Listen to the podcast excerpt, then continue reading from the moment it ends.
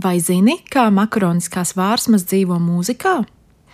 Viduslaikos vairākās Eiropas kultūrās bija sastopamas makaroniskās vārsmas, dažādu valodu apvienojums literārā darbā vai skaņdarbā.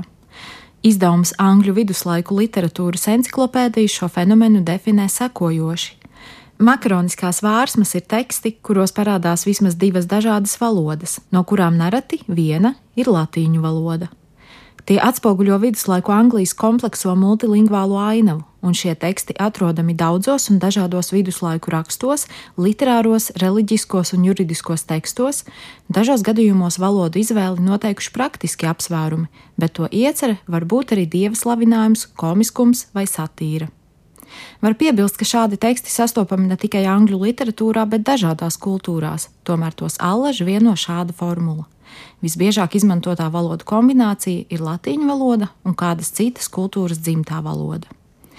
Viens no slavenākajiem makaroniskās dzejas paraugiem ir krājums Karmina Burana, kas rokraksta veidā datējams ap 1230. gadu. Visos tajā ietvertajos dzējoļos dominē latīņu valoda, tomēr vērojami atsevišķi brīži ar latīņu, vācu un romāņu valodu grupas miju. Ar šo tekstu noteikti pazīstam vācu komponista Karla Orfa scēnisko kantāti Karmina Burana. Tā komponēta laika posmā no 1935. līdz 1936. gadam, un Orfa rīcībā bijis makaroniskā dzejas krājuma 1847. gada izdevums, ko publicējis Johans Andrās Šmellers. Lai gan krājumā atrodami 254 makaroniskās dzejas paraugi, Orfs no tiem savā opusā izmantojas tikai 24. Jau 1847. gada izdevuma ievadā Šmelers ir atzinis, ka viņa redakcija ir nepilnīga.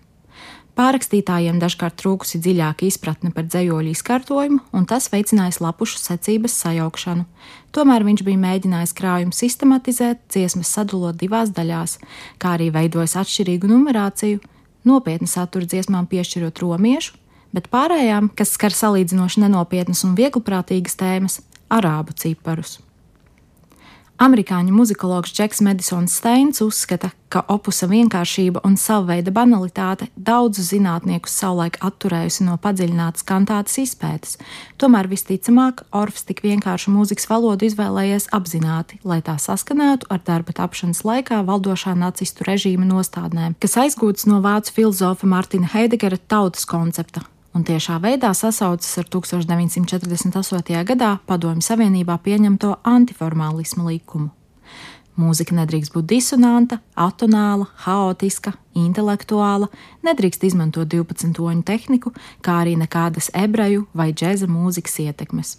Taču tā drīkst atainot maskulīni spēcīgu vācu nacionālā patriotisma elpu. Tomēr aiz šķietami vienkāršotās ārienes, Karla Orfa Karmina Burana eleganti apgājusi režīma ieteikumus un vienā opusā apvienojusi visdažādākās koncepcijas. Iespējams, arī norādot uz kantātes autora slēptu protestu nacistu režīmam. To vidū ir pati latīņu tekstu izvēle. Piemēram, kantātes otrās daļas Fortuna Plango Vulnera trešais pants vēsta par valdnieku, kurš uzkāpis krietni par augstu, bet cerams, drīz kritīs. Pavisam noteikti, ka Kārla Orfa scēniskās kantātes Karmina Burana multilingvālisma ideja ietekmējusi arī latviešu komponistus. Lai gan nevaram lepoties ar makronisko vārsmu tekstiem, tomēr dažādu valodu tekstu kombinēšana fascinējusi arī mūsu nošu raksta meistarus.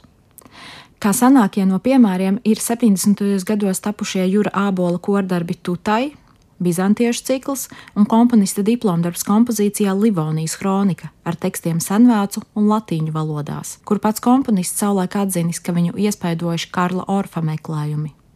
Tomēr atskaņot diploma eksāmenā šīs kompozīcijas oriģināla versija izrādījās neiespējami, jo toreizējais konservatorijas rektors Imants Kokars esot aizliedzis korim dziedāt Livonijas kroniku ar tekstu un licis iestudēt to kā vokalīzi. Ir ziņas, ka 20. gadsimta 90. gados komponists atgriezies pie Livonijas kronikas idejas un veidojis jaunu redakciju, kas iecerēta kā scēniskā oratorija. Tomēr līdz koncerta atskaņojumam darbs nav nonācis. Ar 1980. gadu datāts Artūra Grīnupa, diemžēl nepabeigtais skaņdarbs, simfoniski oratoriāls monuments Luigi Kerubīni piemiņai. Tajā izmantots kanoniskais rekviema teksts latīniski un paša komponista dzēja latviešu valodā.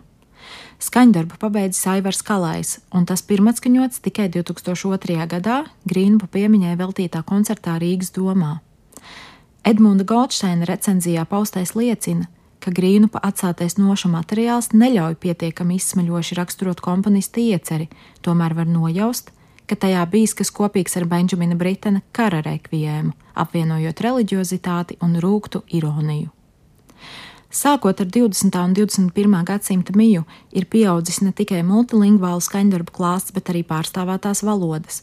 Piemēram, Andra Dzenīša kordarbā Om Luksa Terna izmantots latīņu kanoniskais sakrālais teksts Luksa Terna un divi hinduistu teksti sanskritā - mantra gaismai Om Amokha un vēdiskā mantra visaugstākajai gaismai Om Hrēm, bet Evijas skuķes FFF jeb Forte Fortissimo mija darbojas vesels 13 valodas.